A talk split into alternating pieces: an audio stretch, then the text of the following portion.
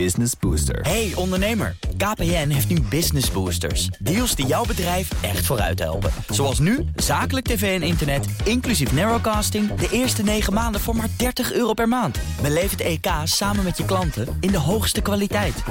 Kijk op kpn.com slash businessbooster. Business Booster. Economenpanel. Banken moeten zich voorbereiden op zwaar weer, zegt de Europese Centrale Bank in het halfjaarlijkse Financial Stability Review. En hoe groot wordt het begrotingstekort als alle plannen van de PVV echt doorgevoerd worden? Dat en meer bespreek ik in het Economenpanel met Lucas Daalder, hoofdinvesteringsstrategie bij BlackRock, en Koen de Leus, hoofdeconoom van de Belgische tak van BNP Paribas. Welkom heren. Welkom, dank. Dank u. Met uh, natuurlijk ook jullie eigen nieuws. Koen, laat ik bij jou beginnen. Wat wil jij eruit lichten? Wel, uh, mij viel een artikel op waarbij dat Indië aankondigde dat ze een verdrievoudiging zouden hebben van de ondergrondse kolenwinning. Nu, ondergrondse kolenwinning is beter dan bovengrondse kolenwinning, maar natuurlijk al die kolen zullen wel gebruikt worden. En leiden dus tot meer CO2-uitstoot. En dan zijn natuurlijk de klimaatactivisten daar zeer ontevreden mee. Nu, Eigenlijk begrijp ik India wel. Want uh, ik was op studiereis naar India een drietal weken geleden. En ik heb daar met de economisch adviseur van Modi kunnen spreken. En wat zei die man? Ja, oké, wij doen wel aan adaptation. Wij gaan ons wel aanpassen. Maar mitigation, ondanks het feit dat we onze hernieuwbare energie gaan verdrievoudigen, ja, daar hebben we geen geld voor. Daar moet batterijtechnologie zijn, daar moet andere technologie zijn die bij ons wordt geïmplementeerd. En daar is geen geld voor. En zolang dat de westerse uh, bedrijven en maar ook vooral de westerse economieën daar geen geld gaan investeren, ja, zie ik heel die klimaattransitie echt niet goed lopen. En ik denk dat dit een, een, een schot voor de boog is voor die grote geïndustrialiseerde uh, landen om tijdens de volgende COP-bijeenkomst om eens te zeggen, ja, nu gaan we effectief dat klimaatfonds van 100 miljard, gaan we nu echt wel eens proberen te financieren.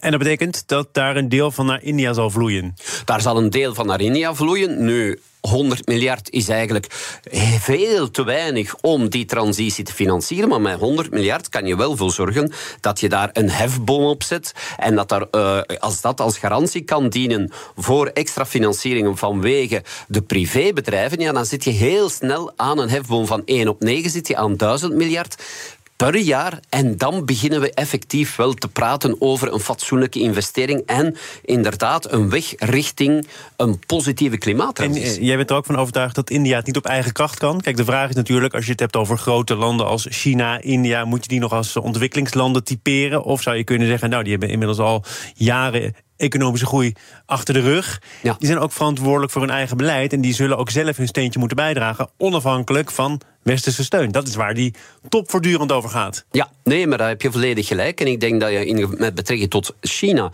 daar zeker een punt hebt. En ik denk dat China inderdaad het grootste deel zelf moet financieren. Nu, met India spreken we nog altijd over een economie die een vijfde BBP per capita heeft van China. Dus in die zin is India effectief nog wel een, een, een ontwikkelingsland. 2000 uh, dollar of 2400 dollar per capita inkomen, ja, dat is een ontwikkelingsland. Dus nee, moeten zij dat op eigen houtje doen?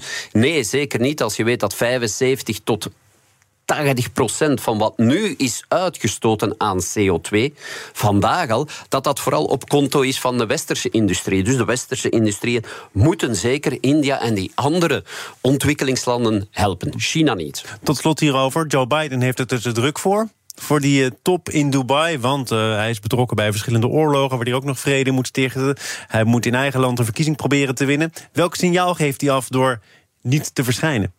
Ja, de man heeft het inderdaad zeer druk en hij wordt ook een dagje ouder. Maar ik denk dat hij zich beter kan concentreren op Goed de... dat jij het zegt, want ik dacht ook gewoon 81 jaar. je moet het allemaal maar net bij elkaar weten te organiseren. Voilà, dat denk ik ook. Maar ik denk dat hij zich beter concentreert op, uh, op zijn volgende verkiezingsstrijd tegen Donald Trump. En ik denk dat hij daar meer uh, de wereld een dienst mee kan doen dan uh, daar nu op de kop te gaan. Hij heeft daar nog goede mensen genoeg om die daar te positioneren. Ben je het met hem eens, Lucas? die afwezigheid van Biden dat viel mij op in ieder geval. Iemand die toch de afgelopen jaren heeft gezegd... die energietransitie is belangrijk. Ik breek met het beleid van mijn voorganger. Ik investeer daar ook uh, geld in. Ik reserveer het budget voor de komende jaren. En dan valt het nu toch uit de agenda. Ja, nou, ik heb daar zelf wat meer moeite mee. Ik zou zeggen van het is toch een signaal dat je wil afgeven naar de wereld van uh, oké, dit blijft, is en blijft belangrijk. Door niet te gaan, uh, ja, lijkt je toch te zeggen van nou, het is toch wat minder belangrijk. Dus uh, en ik ben het wel mee eens hoor. Voor het milieu is het uiteindelijk beter dat Biden volgend jaar wint dan, dan Trump. Maar om, om dat nu al twaalf maanden van tevoren, of elf maanden van tevoren, als excuus te gaan gebruiken voor het niet optreden voor dit soort zaken, daarvan denk ik van ja, dat zou ik heel erg jammer vinden als hij dat de komende elf maanden blijft, blijft doen. Dus nee. Iemand die ook niet meer gaat optreden in het centrum van de macht... dat is Gon van Strien, de inmiddels vertrokken verkenner. Het is politiek nieuws. Het zal misschien ook economische complicaties teweeg brengen... want die formatie gaat langer duren. Lucas, jouw blik op de zaak. Nou ja, kijk, ik, ik heb helemaal geen enkele mening over Gon van Stream zelf. Want ik, ik ja, de, de, achterliggende problematiek ken ik niet. Maar dit geeft natuurlijk wel iets anders aan. En dat is dat we wel te maken krijgen met een partij PVV 37 zetels. Ik geloof dat de kieslijst laat al vrij weinig ruimte. Dus op het moment dat je inderdaad gaat kijken naar een samenstelling van een kabinet, dat je al snel tegen een soort van tekort aan, aan kamerzetels voor de PVV begint aan te lopen. Maar het heeft eigenlijk ook wel te maken met een, ja, vind maar het juiste kaliber mensen die dit soort zaken kunnen gaan, gaan waarnemen voor de PVV. En daar maak ik me denk ik wel zorgen over. en nogmaals, ik weet niet wat er met, met, met Van Stream precies wel of niet gebeurd is, maar het feit dat je eh, de eerste de beste kandidaat naar voren schuift. En dat daar al uh, ja, toch een soort van ja, een zweem van uh, er is iets mis mee uh, aanhangt. Ja, dat geeft wel een beetje angstig vermoeden voor de rest van die, de Kamerleden. Maar misschien ook wel de bewindslieden die ons uh, te wachten staan. Het is allemaal het gevolg van die enorme verkiezingswinst van de PVV. En dat heeft ook gevolgen voor de Nederlandse economie. In de financiële plannen van Geert Wilders moet de portemonnee van de Nederlander weer op één komen te staan. Wat als die plannen doorgevoerd worden? Laten we om te beginnen luisteren naar Wim Suiker, het voormalige afdelingshoofd overheidsfinanciën bij het CPB. Die heeft gedaan wat uh, de PVV niet gedaan heeft, namelijk toch een begin gemaakt van een doorrekening. Ik heb eh, naar de concrete maatregelen in het pakket uh, gekeken. En daar zitten een aantal grote klappers tussen. Dus ja, 5 miljard extra uitgaven door de verlaging van de AOW tot 65 jaar. 6 miljard voor het afschaffen van het eigen risico en de zorgverzekering. En 7 miljard door het stoppen met de BTW op voeding. Uh, dus dat zijn echt uh, forse maatregelen die ik uh, concreet kon kwantificeren. De miljarden vliegen je om de oren, Lucas. En die moeten natuurlijk ook nog ergens van worden betaald. Ja, en dat is eigenlijk het volgende struikelpunt. Kijk, de PVV staat natuurlijk te boek als een extreem rechtse partij. Maar als je naar dit soort beleidsmaatregelen luistert, dat is allemaal heel erg ter linkerzijde. En als je dan vervolgens een kabinet wil gaan samenstellen met de partijen die wel ja, zeg maar, meer een rechterkant uh, beleid voorstaan. Ik kan me voorstellen dat je nog even los van het feit van... goh, wil je überhaupt in zee met uh, de PVV... maar dat je dan al heel snel tegen andere problemen aanloopt. Namelijk, welk van deze beleidsdoelen gaan we laten schieten? Uh, de, nou, CDA, net CDA, sorry, de, de, hoe heet het? VVD en Omzicht, die zijn heel duidelijk dat ze hun uh, de overheid uh, zeg maar, de begroting op orde willen houden. Dus uh, ja, dat staat natuurlijk een beetje haaks op, op dergelijke berichtgeving. Die 4,8 procent waar, waar, waar de Wim dan op uitkomt als percentage van het BBP, dat is natuurlijk een, een sterke verslechtering. Ligt zwaar boven de norm van 3 procent. Ja, ik, ik, zie daar toch wel de nodige problemen. Arno Boot die was hier afgelopen vrijdag en die zei: ach, als je echt met een uh, brede blik kijkt naar die Nederlandse overheidsfinanciën, dan kun je zeggen dat staat er allemaal nog best redelijk voor. En je kunt nog een jaar of tien, laat ik zeggen, structureel meer uitgeven dan er binnenkomt. Weinig aan de hand. Maar dit kan niet zo blijven duren. Is dat wat jou betreft ook een adequate schets van hoe het er nu voor staat? Of zou je al veel eerder moeten zeggen: stop alsjeblieft met die wat losse begrotingsmoraal. Zo snel mogelijk terug naar die 3% of daaronder? Nou ja, kijk, de, als je de vergelijkingsbasis zet van het gemiddelde van de schuld in Europa, ja, dan hebben wij nog een hele lange weg te gaan. Uh, we staan op 50% van het BBP en het gemiddelde ligt boven de 100%. Dus ja, dan kan je zeggen: teugels los en ga maar. Het is niet mijn standpunt overigens. Maar dat is ook wel voor de goede orde niet het standpunt van Arnold Boot. Nee. Uh, het is alleen maar om aan te geven: we staan er relatief gezien, en zeker ook in Europese context, nog redelijk goed voor. Koen, jij kunt er ook misschien met een iets Europesere bril naar kijken, een, een blik van buiten. Wat denk jij dat dit gaat betekenen? Wel, uh, sowieso denk ik dat jullie er veel beter voor staan als uh, België. We hebben daar 110% van het BBP. Daar nodigen je nou voor uit. Ja, voilà, voilà. we hebben daar een begrotingstekort dat volgend jaar oploopt naar 4,9% en dan 5% eh, van het BBP. Dus inderdaad, van ons kan je nog wel iets leren, niet de juiste dingen. Maar uh, ja, wat, ik, wat, ik, uh, wat ik vooral zie is dat het toch wel een serieuze bedreiging is. Uh, en dat dit niet alleen een Europees fenomeen is, het niet alleen een Nederlands fenomeen is, maar vooral ook een Europees fenomeen. Als je gaat kijken, ja, in België uh, zal men waarschijnlijk in de partijhoofdkwartier van het Vlaams Belang heel uh, enthousiast zijn geweest. Maar Marine Le Pen staat vandaag uh, op voorsprong in de peilingen. Als we gaan kijken naar uh, de extreemrechtse partij in Duitsland, dan staat die op de tweede plaats. Als we kijken naar Oost-Europa, dan zijn er daar heel veel, laten we zeggen, toch wel extreme partijen die aan de kop staan. Dus ja, ehm, ik zie hier een, een, een meer brede trend. En ik heb toch wel de indruk dat het heel veel te maken heeft met die chaos waar we de laatste tijd toch wel in zitten. En waar we ook de komende jaren gaan in blijven. Dus, dus ik ben toch een beetje, uh, ja, ik ben toch een beetje uh, uh, angstig, zal ik niet zeggen, maar, maar, toch een beetje bezorgd van hoe we dit allemaal gaan oplossen. Want als we kijken naar die nieuwe economie, die per ongeluk ook de naam is van het nieuwe boek dat ik, dat ik binnenkort ga lanceren. Als we kijken naar die nieuwe economie die op ons afkomt, ja, dan zie je daar klimaattransitie, dan zie je daar die hoge schulden, dan zie je daar die deglobalisatie, zie je heel veel zaken die ervoor zorgen dat de great moderation, zoals we het noemen, dat we gaan naar de great disequilibrium. De grote chaos zal ik niet zeggen, maar we gaan inderdaad toch wel sterke politici moeten hebben om door die transitieperiode te gaan en als we dat niet doen, ja, dan gaan we meer en meer van die extreme partijen zijn die met heel simpele oplossingen komen, die heel aantrekkelijk zijn. Uh, waardoor dat we uh, ja, vroeg of laat toch volledig gaan ontsporen. Ja, tenzij, uh, Lucas, de Nederlandse realiteit is dat wij een coalitieland zijn. Dat Geert Wilders van alles voorstelt. Zoals heel veel partijen natuurlijk de wildste plannen opnemen in een verkiezingsprogramma. En daar uiteindelijk wel de scherpe kantjes niet in een coalitieakkoord terechtkomen. Hè. Er zijn zaken die Geert Wilders benoemt. Waar andere partijen het ook deels wel mee eens zijn. Hè. Zorg moet voor iedereen toegankelijk zijn. Nou, dat eigen risico dat is een struikelblok. Of je het helemaal zou moeten uh, afschaffen? Ik weet het niet. Um, arbeidsmigratie is door heel veel partijen benoemd als een bedreiging. Uh, iets wat in ieder geval niet echt goed te rijmen valt met de Nederlandse woningnood. Is het goed dat dit soort zaken ook gewoon geadresseerd worden en waarschijnlijk in een formatie besproken worden? En er ook wordt gekeken naar misschien wat radicalere oplossingen dan voorheen?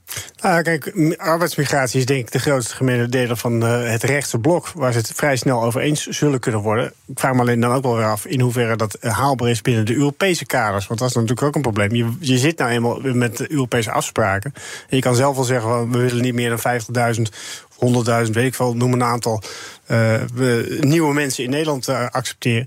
Ja, of, dat, of dat haalbaar is, vraag ik me sterk af. Maar nogmaals, dat, dat is zeg maar de kant waar, waar denk ik relatief weinig uh, ja, onvrede of, of botsing zal gaan ontstaan. Want daar zijn ze het allemaal wel over eens. De echte botsing zit hem inderdaad van: oké, welk van de nou, die hele boodschappenlijst die PVV heeft neergelegd, welk van die uh, boodschappen gaan we nu wel of niet doen? En daar loop je al snel tegen, ja, toch de beperking van, nou ja, als uh, de omzicht en VVD alle twee op die 3% blijven zitten en uh, Wilders toch echt deze zaken willen door, door gaan voeren, ja, dan loop je al snel tegen een spanning op. En wat op dat boodschappenlijstje zou jij als econoom zeggen, verdient het om in ieder geval nader verkend te worden? He, dus dan hebben we het later wel even over hoe we het gaan betalen. Maar uh, we zien uh, BTW op boodschappen naar 0%. Uh, weer op ons 65ste stoppen met werken. We zien die arbeidsmigratiebeperking. we zien dat afschaffen van het eigen risico in de zorg.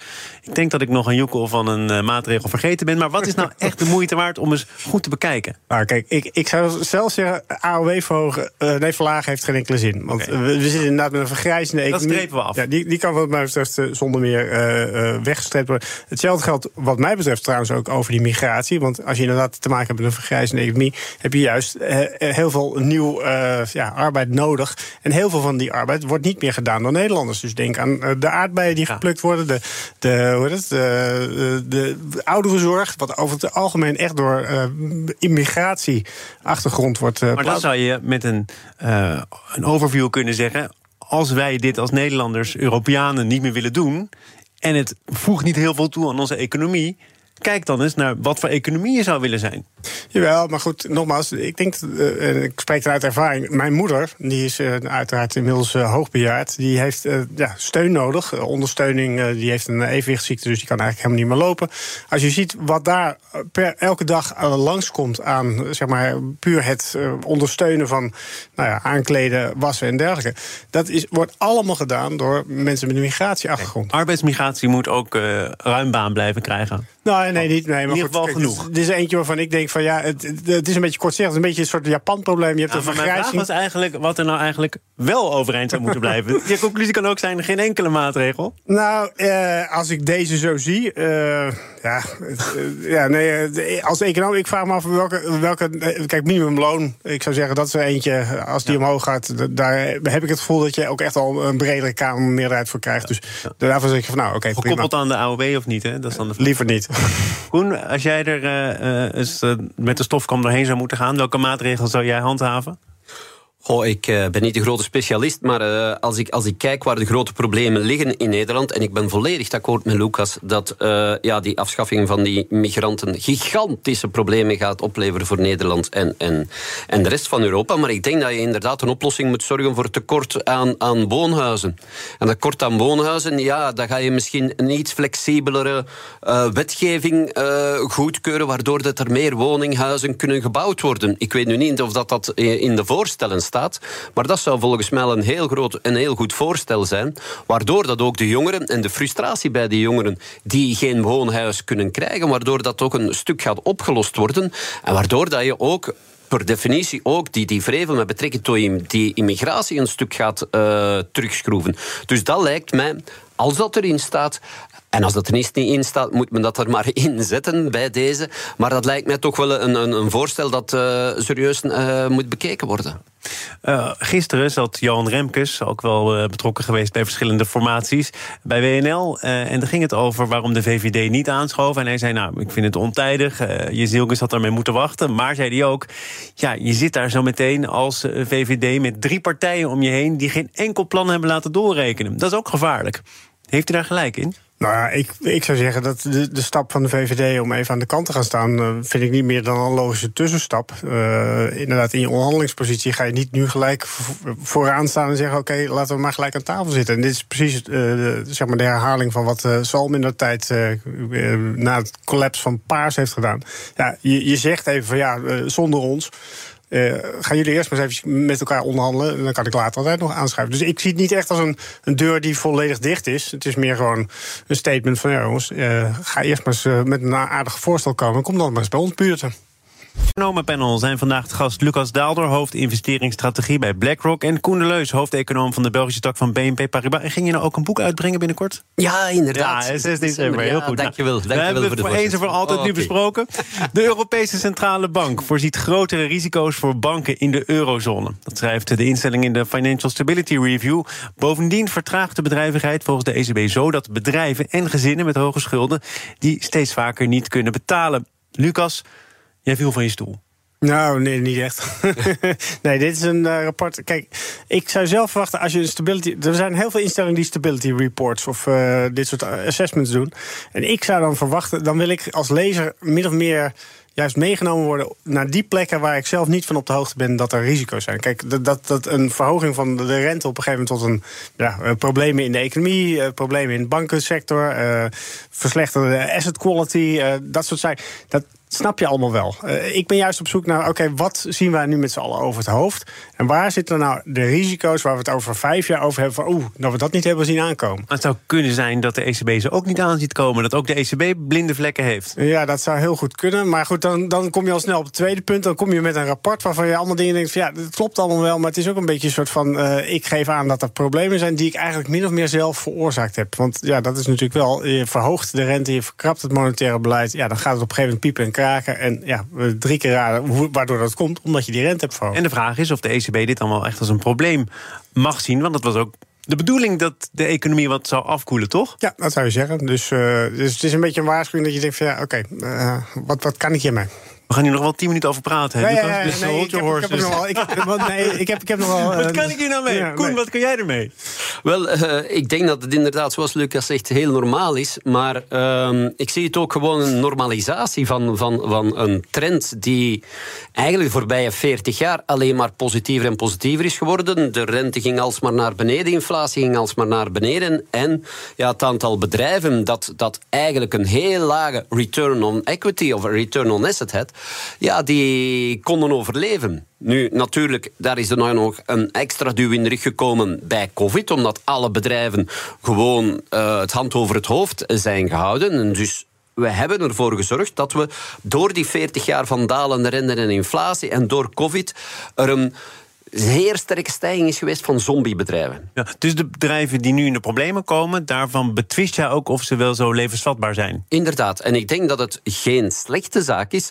En, en mijn excuses eh, voor die bedrijven. Het is ook geen slechte zaak voor de economie dat die bedrijven langzaamaan failliet gaan. Dat mag niet allemaal tegelijk zijn, want anders gaan we inderdaad in een zeer diepe recessie gaan. Dat is zeer duidelijk. Maar het moet wel zo zijn dat die zombiebedrijven, dat die, ja, dat die gezuiverd, dat we daar gezuiverd worden uit onze economie. En misschien is het woord niet perfect gekozen. Of zijn er ook bedrijven die nu eh, slachtoffer zijn, sneuvelen, omdat ze ook niet helemaal kunnen voorzien dat die renteverhogingen elkaar zouden opvolgen, die eigenlijk wel gezond zijn, maar dit tempo net niet aankunnen? Wel, ik, eh, ik twijfel eraan dat eh, wanneer dat je niet kan overleven bij een rente van 5%, dat je dan effectief een lange, lange termijn, dat je dan effectief wel kan overleven. Ik denk, wanneer dat je geen return on equity of, of, of een, fatsoenlijke return naar die boven die 5% uitstijgt, ja, ben je dan, ik zeg niet economisch waardig om, om te overleven. Ik denk wel dat je dan eh, je eigen toch wel een beetje, en vooral je, je, de manier waarop dat je bedrijf voert, dat je dat, dat toch wel even eens vraag moet stellen, ja? Reactie van Lucas? Ja, ik zag dat eh, de zombiebedrijven zijn opeens weer terug als, eh, als thema. Want dat was eh, een jaartje of drie, vier geleden had iedereen het over dat 18, 12 procent van de, de economie uit zombiebedrijven Ja. bestond.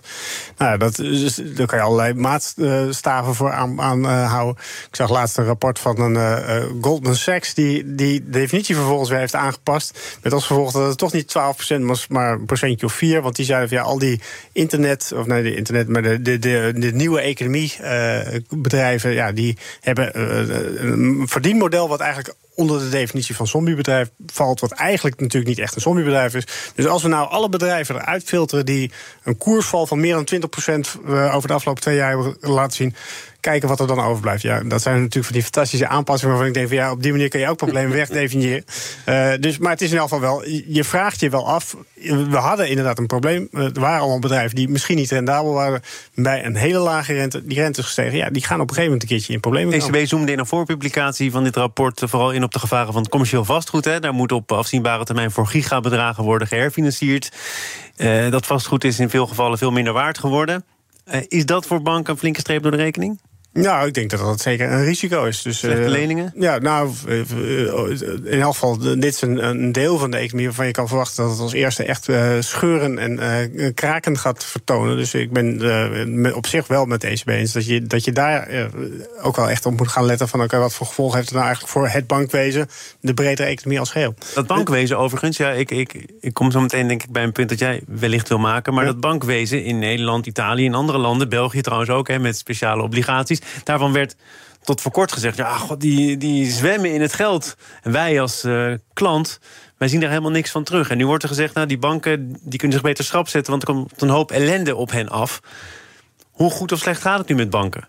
Nou ja, ik zou zeggen dat dat hangt helemaal af van welke bril je opzet. Als je het hebt over als, belegger vinden we het altijd dat het te slecht gaat. Hè? De, de rentabiliteit en met name de waardering. Dat is ook een van de dingen die in, door de ECB wordt eh, ge, aangestipt. Dat de waardering van de, meeste Europese banken te laag ligt.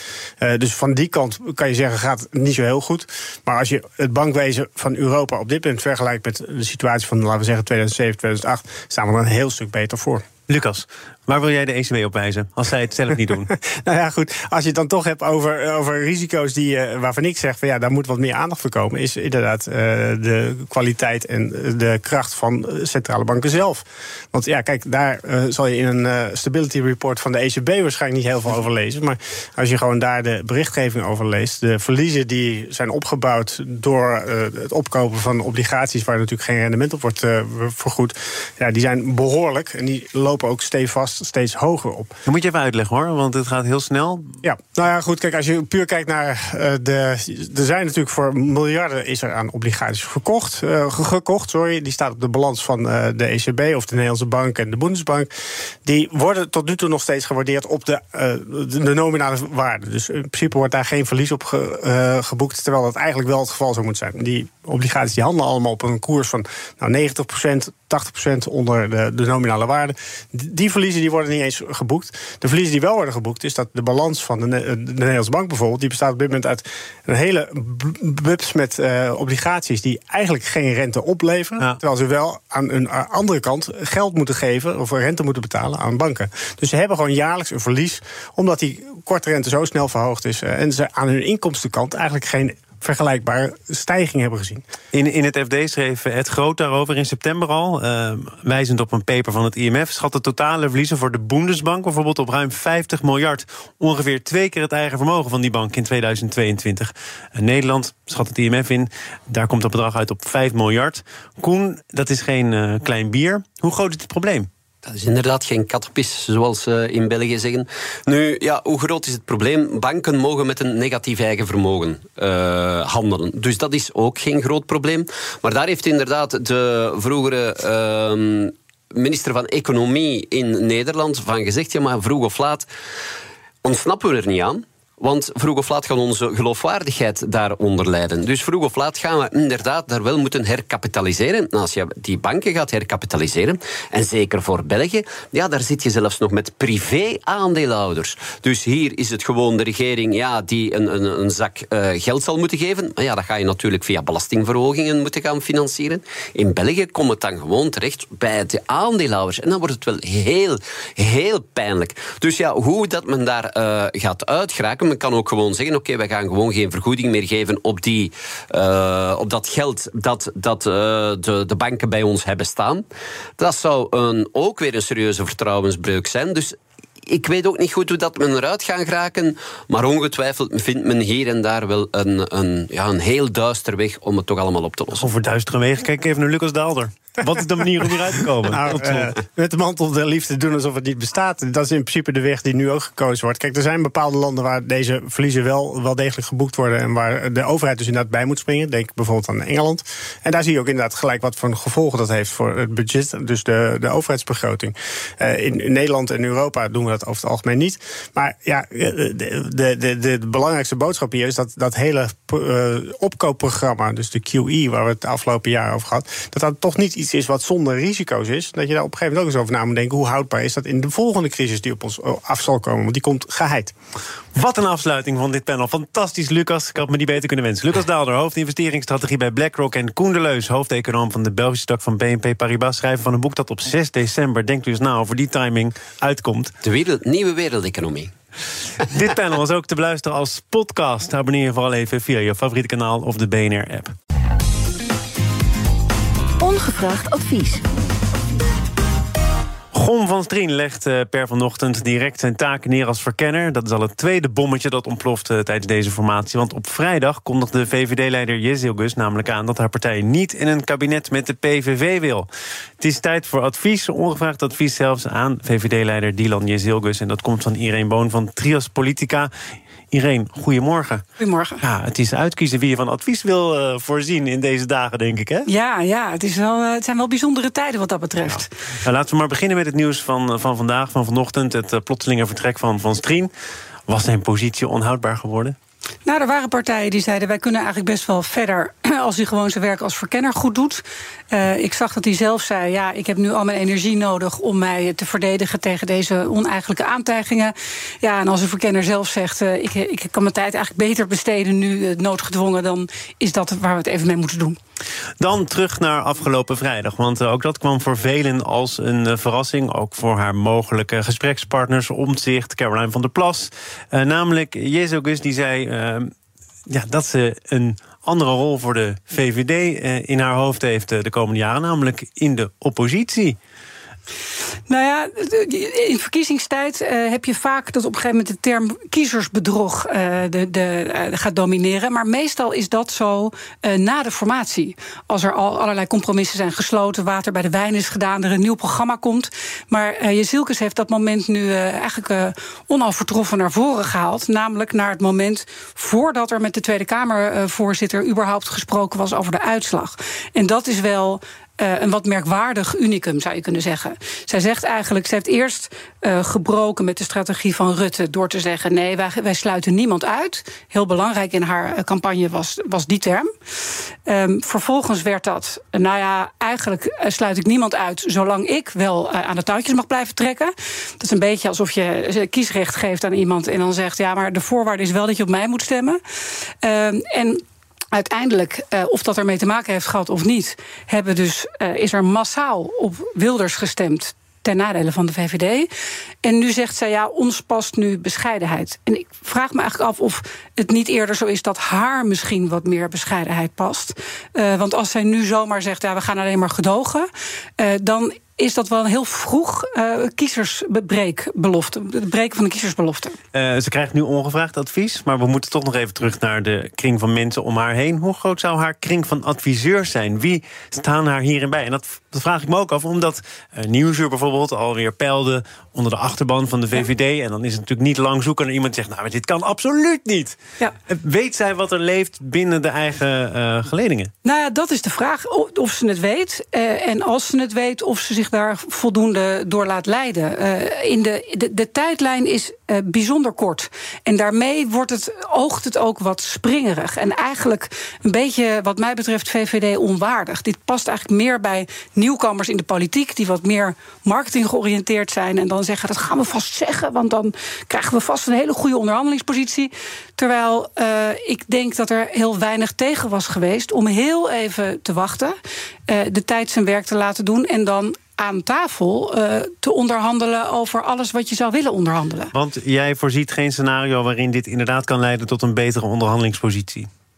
Dat is vermoedelijk waar zij op uit is geweest. Alleen, um, het is, de vraag is of het zo gaat. Als je op voorhand nu al ja, eigenlijk een soort zwabberkoers vaart. En dat wordt ook breed uitgemeten door alle andere partijen die nu moeten onderhandelen. Dan denk ik dat je uh, meer kan verliezen dan winnen. Het was, het, ik denk dat het echt verstandiger was geweest om aan tafel te gaan. En dan nog onder, al onderhandelend te zeggen: ja, we kunnen er echt niet langs, het moet nu anders. Want hiermee uh, schoffeer je een heel groot deel van je kiezers. En een heel groot deel van je eigen partij. En dat zou voor haar heel nadelig uit kunnen pakken. Die partij is fors kleiner geworden, hè? dat had ze ook aan. Uh, de kiezer heeft met ons afgerekend, vandaar deze bescheiden toon. Uh, tegelijkertijd heb ik moeite om een coalitie te zien waarin de VVD geen rol speelt. Want zoveel grote partijen zijn er niet meer. Die dik 20 zetels, bijna 25 zetels, die doen er natuurlijk toe. Of je nou over links, rechts of het midden Zeker. gaat. Uh, dus, dus men komt hoe dan ook ongeacht welke politieke kleur, weer een keer langs bij de VVD, toch? Ja, maar nu, door nu te zeggen, uh, wij gaan niet meedoen, maar wel gedogen, zeg je eigenlijk, nou, je kan elke keer bij mij even op audiëntie komen. En dan ga ik eens bedenken hoe de vlag ervoor hangt. En dan doe ik een beetje wel als ik denk dat het mij wel gevallig is. En dan doe ik een beetje niet als het. Hardlopen, dat is goed voor je. En Nationale Nederlanden helpt je daar graag bij. Bijvoorbeeld met onze digitale NN Running Coach, die antwoord geeft op al je hardloopvragen. Dus, kom ook in beweging. Onze support heb je. Kijk op nm.nl slash hardlopen.